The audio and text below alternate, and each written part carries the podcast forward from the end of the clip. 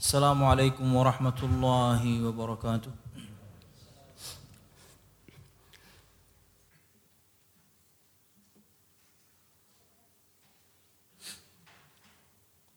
إن الحمد لله نحمده ونستعينه ونستغفره ونعوذ بالله من شرور أنفسنا ومن سيئات أعمالنا. من يهده الله فلا مضل له ومن يضلل فلا هادي له. أشهد أن لا إله إلا الله وحده لا شريك له وأشهد أن محمدا عبده ورسوله. قال الله تعالى في القرآن الكريم أعوذ بالله من الشيطان الرجيم. يا أيها الذين آمنوا اتقوا الله حق تقاته ولا تموتن إلا وأنتم مسلمون.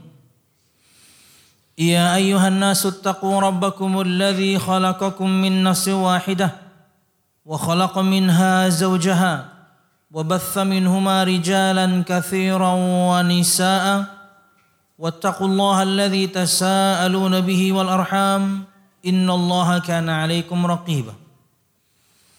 يا أيها الذين آمنوا اتقوا الله وقولوا قولا سديدا. يصلح لكم أعمالكم ويغفر لكم ذنوبكم ومن يطع الله ورسوله فقد فاز فوزا عظيما. فإن أصدق الحديث كتاب الله وخير الهدي هدي محمد صلى الله عليه وسلم وشر الأمور محدثاتها فإن كل محدثة بدعة وكل بدعة ضلالة وكل ضلالة في النار. أما بعد. Hadirin jamaah Jumat rahimakumullah. Alhamdulillah segala puji dan syukur marilah kita haturkan kepada Allah Subhanahu wa taala. Kemudian salawat serta salam semoga selalu tercurahkan kepada junjungan besar Nabi kita Muhammad sallallahu alaihi wasallam juga beserta para sahabatnya, keluarganya dan segenap kaum muslimin yang selalu istiqamah berpegang teguh dengan Islam sampai hari kiamat kelak. Hadirin jamaah Jumat rahimakumullah. Dakwah Islam secara umum yang kita sampaikan kepada orang lain. Entah itu ulun sekarang lakukan ke pian semua atau pian juga nanti praktekkan ke keluarga pian masing-masing. Itu tidak keluar dari tiga perkara tiga perkara besar dalam dakwah Islam. Apa pun yang kita ceramahkan, yang kita dakwahkan, yang kita sampaikan kepada orang lain sebagai nasihat, maka tidak keluar dari tiga perkara ini. Entah itu ia perkara akidah, yaitu rukun iman, dan di dalamnya tentunya ada bahasa yang cukup mendalam berkaitan dengan tauhid. Yang kedua ada ibadah berkaitan dengan rukun Islam, Walaupun tentunya fokus bahasannya di luar dua kalimat syahadat. Dan yang ketiga adalah berkaitan dengan tazkiyatun nufus, pengsucian hati dan jiwa. Agar kemudian seorang memiliki akhlak yang mulia dan kemudian dia memiliki adab berinteraksi kepada orang lain berdasarkan akhlak mulia yang dia miliki. Ceramah siapa pun atau apa pun yang pian akan nasihatkan kepada orang lain berkaitan dengan Islam, semua pasti akan merujuk kepada tiga perkara ini. Entah itu perkara akidah, ibadah, ataupun kemudian perkara muamalah berinteraksi kepada orang lain. Dan tentunya kalau kita istilahkan ia layaknya sebuah rumah, maka perkara akidah itu adalah pondasinya. Kemudian rumah itu dengan bangunannya ia adalah tentunya ya rumah tersebut. Berkaitan dengan tazkiyah non tufus, pengsucian hati dan jiwa, itu pelengkap, penyempurna, finishing yang luar biasa dari rumah tersebut hingga ia terlihat cantik, indah dan bagus. Yang kita akan bahas pada kesempatan Jumat kali ini, ini poin yang terakhir. Bukan berarti kemudian ulun menyampingkan perkara akidah, insya Allah asatidah yang lain pun menyampaikan.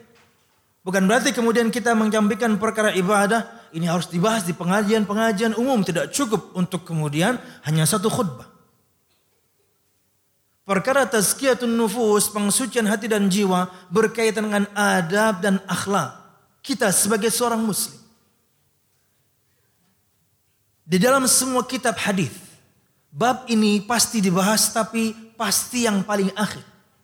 Mereka akan kedepankan dahulu untuk membahas akidah, kemudian mereka akan lanjutkan dengan perkara ibadah, baru yang terakhir mereka akan menyampaikan kepada kita semuanya perkara tazkiyatun nufus, pengsucian hati dan jiwa karena ia penyempurna. Jamaah Jumat rahimakumullah, satu hadis Nabi Muhammad SAW yang kita bahas pada kesempatan siang hari ini berkaitan dengan tazkiyatun nufus, pengsucian hati dan jiwa. Bagaimana kemudian kita seharusnya menjadi seorang muslim yang baik? Dalam sebuah riwayat disebutkan dikeluarkan Imam At-Tirmidzi dan yang lainnya dari sahabat Abu Hurairah radhiyallahu anhu berkata, Rasulullah sallallahu alaihi wasallam bersabda, "Min husni islamil mar'i tarkuhu ma la ya'nih." Dari sahabat Abu Hurairah radhiyallahu anhu berkata, Nabi Muhammad sallallahu alaihi wasallam bersabda, di antara tanda baiknya keislaman seseorang adalah dia meninggalkan sesuatu yang tidak bermanfaat untuknya. Jamaah Jumat rahimakumullah para ulama menyebutkan hadzal hadis azimun wa huwa aslun kabirun fi ta'dibin nafsi wa tahdzibiha. Ini hadis luar biasa agung. Hadis ini menjadi pondasi yang sangat besar, pondasi yang sangat kokoh, yang sangat kuat untuk semua kita. Mendidik diri ini agar menjadi manusia yang terbaik, mensucikan hati dan jiwa ini agar menjadi muslim yang lebih baik wasiyanatiha anir wan naqais dan hadis ini adalah pondasi yang sangat kuat dan paling agung dalam menjaga diri seorang dari perkara-perkara yang buruk, dari perkara-perkara yang hina dan bisa mengurangi kesempurnaan kita sebagai seorang muslim. Imam Ibn Rajab Al-Hambali menyebutkan, "Hadzal hadis aslun min usulil adab." Kata beliau, hadis ini adalah salah satu prinsip di antara prinsip-prinsip adab. Adab dan akhlak maknanya kurang lebih sama. Yaitu perilaku. Tapi kalau kemudian kita ingin memecahnya, akhlak lebih kepada sifat yang melekat pada diri ini. Dan adab adalah hasil dari akhlak tersebut kemudian kita gunakan untuk berinteraksi pada orang lain. Jadilah ia adab. Tapi jika disebutkan secara terpisah, maka ia satu makna. Yaitu bagaimana kita sebagai seorang muslim memiliki ada perilaku yang terbaik. Entah itu untuk menghiasi diri ini sendiri dan kemudian untuk berinteraksi kepada orang lain.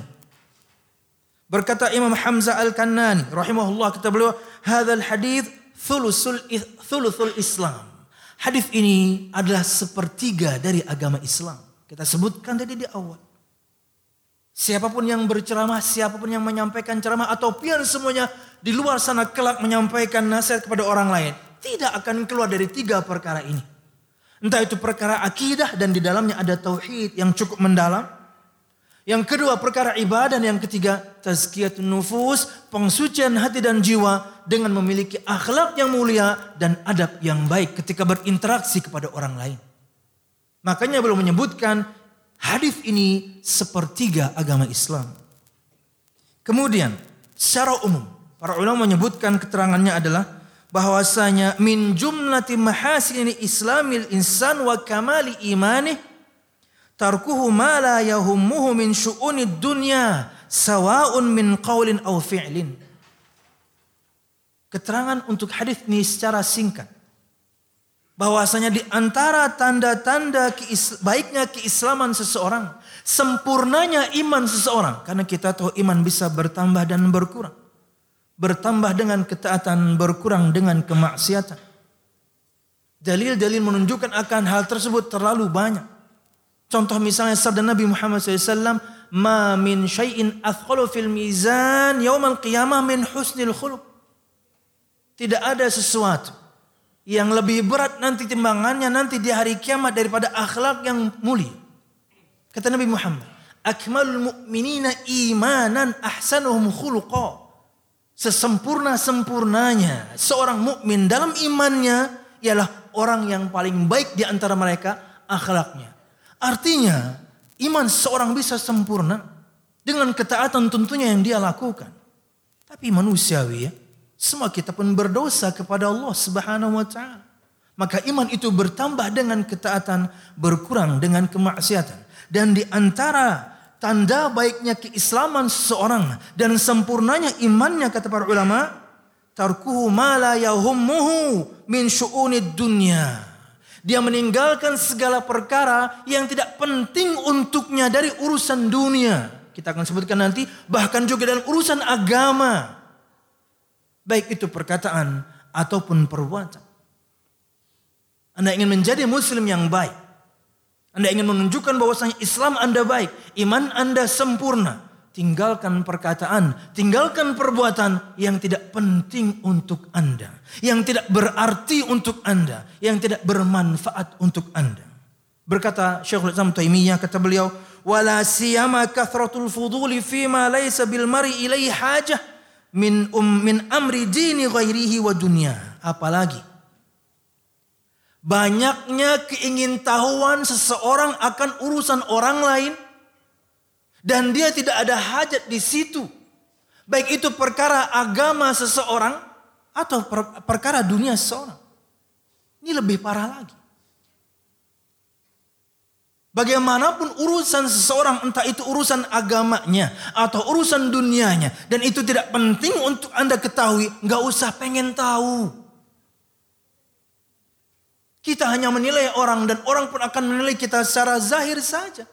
Yuk Alhamdulillah sama-sama kita menjalankan sholat berjamaah di masjid. Alhamdulillah kita kaum muslimin. Apakah kemudian di luar itu dia nggak pernah sholat sunnah? Nggak, bukan urusan anda. Apakah di luar itu kemudian dia nggak pernah bayar zakat? Bukan urusan anda. Apakah kemudian dia tidak pernah bersedekah? Bukan urusan anda. Ini adalah urusan agama. Atau juga dalam urusan dunia. Pekerjaan dia apa ya? Kok rumahnya sebesar itu? Apa urusan Anda? Bisnisnya apa ya? Bininya berapa ya? Kok gitu? Nggak ada urusan Anda dengan orang tersebut. Itu dalam urusan dunia. Tinggalkan. Anda nggak perlu tahu. Zahir dia sama seperti kita muslim. Kemudian ada satu perkara ibadah yang tidak mungkin kita sembunyikan. Alhamdulillah kita kaum muslimin saling menghormati kita satu sama lain. Di balik itu bukan urusan kita, tinggalkan. Makanya kata Imam Ibnu Taimiyah kata beliau, wala siyama kafratul fudul. Apalagi misalnya seorang itu selalu ingin tahu urusan orang lain. Anda akan terjerumus ke banyak kesalahan. Ketika Anda mulai selalu ingin tahu urusan orang lain, entah itu urusan dunianya ataupun urusan agamanya. Orang kalau misalnya selalu ingin tahu dan akhirnya tahu, biasanya kalau selalu ingin tahu, dia betul-betul akan cari tahu, bahkan mungkin akan tanya sana sini. Jangankan kita ya. Anda baca di banyak literatur tua, kitab-kitab para ulama, Anda misalnya ingin mencari kesalahan seorang sahabat Nabi Muhammad, Anda pasti dapatkan. Anda ingin mencari satu kesalahan sahabat-sahabat Nabi Muhammad SAW, Anda pasti dapatkan. Tapi apa gunanya? Gak ada manfaatnya. Allah Subhanahu wa taala sudah janjikan mereka surga. Allah Subhanahu wa taala sudah ampuni mereka semua. Ketika kita mendapatkan kesalahan mereka, apakah manfaat untuk kita? No, malah menjadi buruk untuk kita. Bahkan bisa jadi rasa hormat kita kepada sahabat fulan tersebut akan berkurang. Minimal berkurang. Makanya kata Syekh bin Bas dalam fatwanya, tidak perlu terlalu masuk dalam perseteruan yang terjadi di kalangan para sahabat. Karena Anda akan mendapatkan kesalahan mereka. Karena kala itu mereka berijtihad, ijtihad mereka salah, mereka tetap ada pahala. Toh kemudian mereka sudah Allah ampuni dan Allah janjikan mereka semuanya surga. Nabi Muhammad meninggal kala itu dan belum meninggalkan 114 ribu kurang lebih sahabat Nabi Muhammad SAW. Gak mungkin gak punya aib seorang sahabat dia manusia kok. Tapi apa gunanya? Apalagi cuma tetangga kita. Apalagi kemudian cuma teman sepengajian. Tinggal utus satu dua orang, tinggal nanya sana sini beberapa orang, niscaya Anda akan dapatkan info tentangnya, bahkan aibnya semuanya. Apa gunanya kalau begitu? Anda ketika mengetahui aib seorang tidak afdol jika tidak menceritakannya. Anda simpan sendiri, nggak seru. Nggak enak. Bahwasanya fulan sesungguhnya, bahwasanya fulan sesungguhnya, itu kalau Anda simpan sendiri, nggak enak. Harus Anda bagi. Akhirnya gibah. Dari mana semuanya ber, bermula? Dari rasa ingin tahu. Anda ingin ngurusi urusan orang. Wala kathratul fuduli fima laisa bil. Banyaknya keingintahuan seseorang tentang urusan orang lain yang dia tidak ada hajat di situ. Baik itu perkara agama seorang ataupun perkara dunianya. Enggak usah. Bahkan kita malah harus berbaik sangka. Bisa jadi fulan ini rumahnya sebesar ini, oh dia mungkin beramal banyak ya. Hingga kemudian Allah SWT limpahkan untuknya harta ya. Hingga rumahnya bisa besar. Bisa jadi di balik ini dia mungkin bersedekah ya. Di malam hari dia selalu sholat tahajud ya. Harusnya malah berbaik sangka. Kenapa Allah SWT limpahkan untuknya harta seperti itu? Ingin cari-cari tahu, bukan urusan kita. Allah Subhanahu wa taala sudah bagikan untuk kita rizki kita masing-masing nikmati. 50 ribu tahun sebelum Allah menciptakan langit dan Allah sudah tentukan rizki kita masing-masing. Yang jelas tugas kita semuanya sama hai para kepala keluarga. Hai para pencari nafkah. Cari rizki yang halal dengan cara yang halal cukup. Itu aja udah. Banyak dan sedikit Allah sudah tentukan. Ada Allah berikan banyak kepada sebagian di antara kita dan dia bisa kelolanya. Dan ada yang lain Allah berikan sedikit. Nggak ada yang Allah nggak beri. Allah beri, tapi sedikit. Wallahu a'lam bishawab. Kemudian berkata Syekh Sa'di. Beliau menimpali atau memberikan komentar pada hadis ini, tapi secara terbalik kata beliau, inna min inna man lam yatruk ma la ya'ni fa innahu musiun fi islamihi. Sesungguhnya barang siapa yang tidak meninggalkan perkara yang tidak bermanfaat untuknya, dia tidak ada kepentingan dalam perkara tersebut, fa innahu musiun fi islamihi maka sungguhnya dia adalah buruk keislamannya. Anda kalau dapatkan orang-orang seperti ini, kasih dia nasihat dan kemudian jaga jarak. Orang yang selalu ingin tahu perkara orang lain. Orang yang selalu ingin ngurusi urusan orang lain. Anda dapatkan orang-orang seperti ini, nasihati dan kemudian jaga jarak. Karena bisa jadi ketika Anda tidak ada, Anda yang dicari infonya. Kenapa? Orang ini buruk Islamnya. Karena tugas kita hanya menyampaikan. Berkaitan dengan Allah SWT menegurnya, memberikan hidayah, hidayah, itu yang kita harapkan. Di luar itu, kita lebih berhati-hati. Sebab yang dengannya paling banyak orang masuk neraka, itu dosa lisan. Ringan sekali lisan ini. Dengannya kita memfitnah orang, dengan yang kita menggibah orang, dengan yang kita mengadu domba orang, dengannya kita berbohong. Nabi Muhammad SAW sudah sebutkan. Tidaklah orang masuk neraka Allah wa kecuali karena buruknya lisan yang mereka miliki. Jamaah Jumat rahimakumullah berkata Imam Nuqayyim Al-Jauziyah rahimahullah taala وقد جمع النبي صلى الله عليه وسلم الورع كله في كلمة واحدة Siapapun di antara kita bertanya, apa sih definisi wara? Hadis inilah definisi wara. Kata Imam Qayyim, Nabi Muhammad SAW telah mengumpulkan pada hadis ini makna al-wara. Hanya dengan satu kalimat ini. Tarkuhu malayani. Meninggalkan perkara-perkara yang bukan urusan kita meninggalkan perkara-perkara tidak bermanfaat untuk kita. Itulah wara. Baik itu berkaitan dengan urusan dunia seseorang atau urusan agama seseorang. Lain ceritanya teman kita bermaksiat dan kita tahu. Lain ceritanya teman kita bermaksiat di hadapan kita. Kewajiban kita mengingkari. Maksiatnya kita tutupi. Teman kitanya kita nasihati. Aibnya kita jangan sebarkan. Kemaksiatannya kita ingkari, orang yang kita nasihati, aibnya dengan dosa besar yang dia lakukan karena kita tahu, jangan disebar-sebari. Eh kamu tahu nggak? Fulan, teman kita yang itu. Yang biasa soft awal itu loh. Eh, tak tahunya. Subhanallah. Anda kira Anda nggak punya aib? Anda bongkar punya orang, Allah bongkar punya Anda. Sekalipun Anda di dalam rumah Anda, kalau sudah Allah yang membongkarnya, nggak ada yang bisa menutupinya. Cantik apa pun Anda bermain, Anda bongkar punya orang, Allah bongkar punya Anda. Aib seorang muslim itu harusnya ditutupi. Maksiat yang dia lakukan ingkari, orangnya Anda nasihati, aib dosa besarnya, maka jangan disebarkan. Doakan dia agar kemudian kembali ke jalan yang benar. Karena suatu saat mungkin Anda yang tergelincir.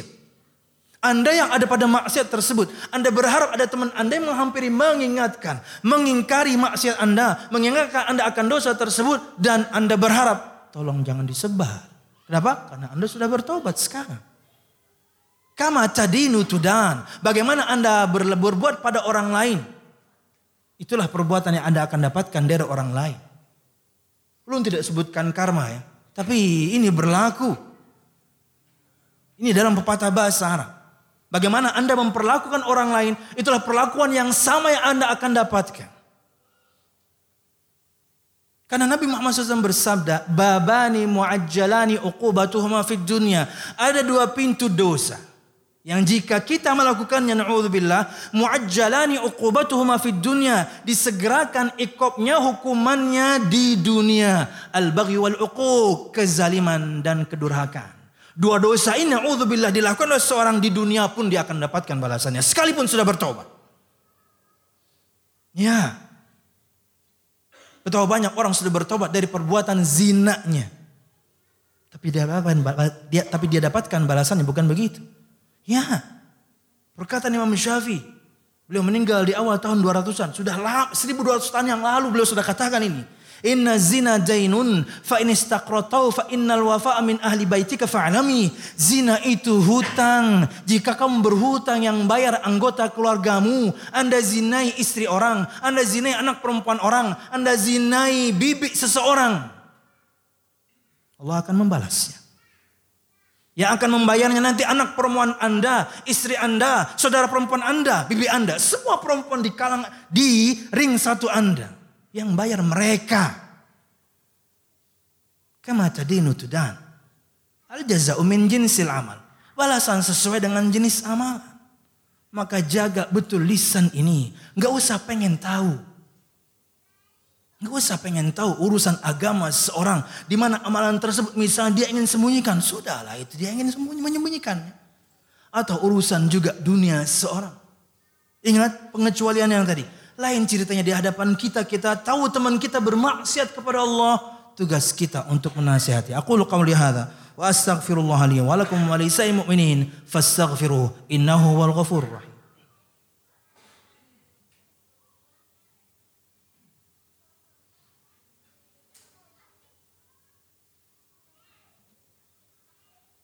الحمد لله الحمد لله الذي هدانا لهذا وما كنا لنهتدي لولا أن هدانا الله.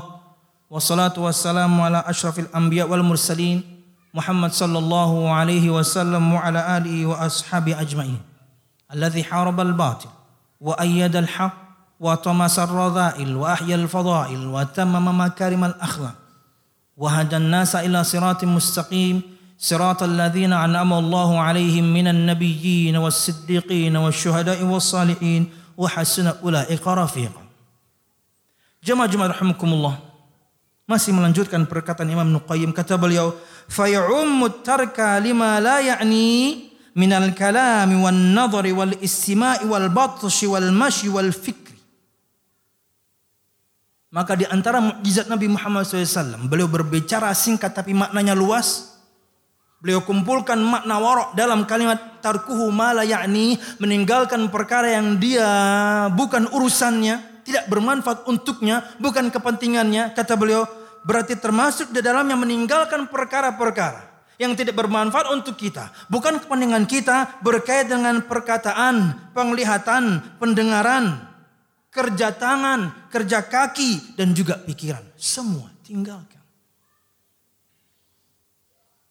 Anda tahu Anda akan menyentuh sesuatu yang diharamkan Allah Subhanahu wa taala.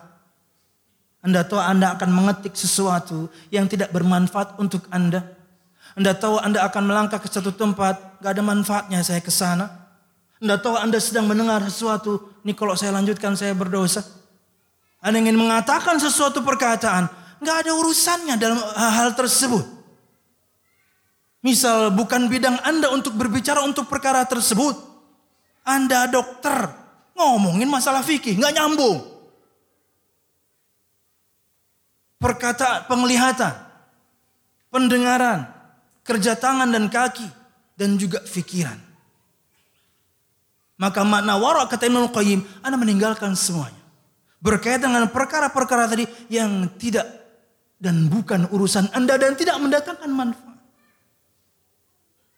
Inilah makna warak dalam Islam hadis Nabi Muhammad SAW. Ulun turut dengan perkataan Al-Khalifah Umar bin Abdul Aziz rahimahullah kata beliau, "Man 'adda kalamahu min 'amalihi, qalla kalamuhu fi ma la yanfa'uh." Barang siapa yang memasukkan perkataan itu bagian dari amalan, ini prinsip kita.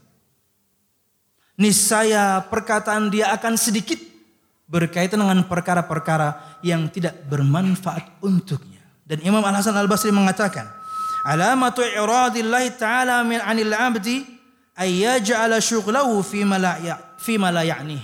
Tanda berpalingnya Allah dari seorang hamba adalah Allah menjadikannya sibuk untuk segala urusan yang tidak bermanfaat untuknya. Jika kita sibuk ngurusi orang, entah itu urusan dunia orang, entah itu urusan agama orang, Anda tidak ada kebutuhan di sana. Tidak ada manfaat untuk Anda mengetahuinya. Anda menjadi orang tersebut. Na'udzubillah kata Imam Hasan Basri. Wali di antara wali Allah Subhanahu wa taala kata beliau, tanda Allah sudah berpaling dari kita. Kenapa? Kita sibuk dengan urusan orang, bukan sibuk dengan urusan sendiri, aib sendiri, kekurangan sendiri. Wallahu a'lam bishawab. Ini yang bisa saya sampaikan. Semoga semua kita bisa mengamalkan hadis ini bahwasanya di antara pengsuci hati dan jiwa adalah adab dan akhlak yang baik dan di antaranya meninggalkan perkara-perkara. Entah itu urusan agama atau dunia yang tidak bermanfaat untuk kita berkaitan dengan urusan orang lain. Wallahu a'lam bishawab. Allah maqsim lana min khasyatika ma tahulu bihi bainana wa baina ma'siyatik wa min ta'atika ma tuballighuna bihi jannatak ومن اليقين ما تهون به علينا مصائب الدنيا. ومتعنا الله بأسماعنا وأبصارنا وقواتنا أبدا ما أحييتنا. واجعله الوارث منا وجاء ثأرنا على من الظلم يا أرحم الراحمين. ربنا هب لنا من أزواجنا وذرياتنا قرة أعين واجعلنا للمتقين إماما. ربنا لا تزغ قلوبنا بعد إذ هديتنا وهب لنا من لدنك رحمة إنك أنت الوهاب. اللهم إنا نسألك حسن الخاتمة. ونعوذ بك من سوء الخاتمة يا أرحم الراحمين. اللهم إنا نسألك الجنة وما قرب إليها من قول أو عمل. ونعوذ بك من النار من النار وما قرب إليها من قول أو عمل. ربنا آتنا في الدنيا حسنة وفي الآخرة حسنة وقنا عذاب النار. سبحان ربك رب العزة عما يصفون والسلام على المرسلين والحمد لله رب العالمين. أكمل الصلاة.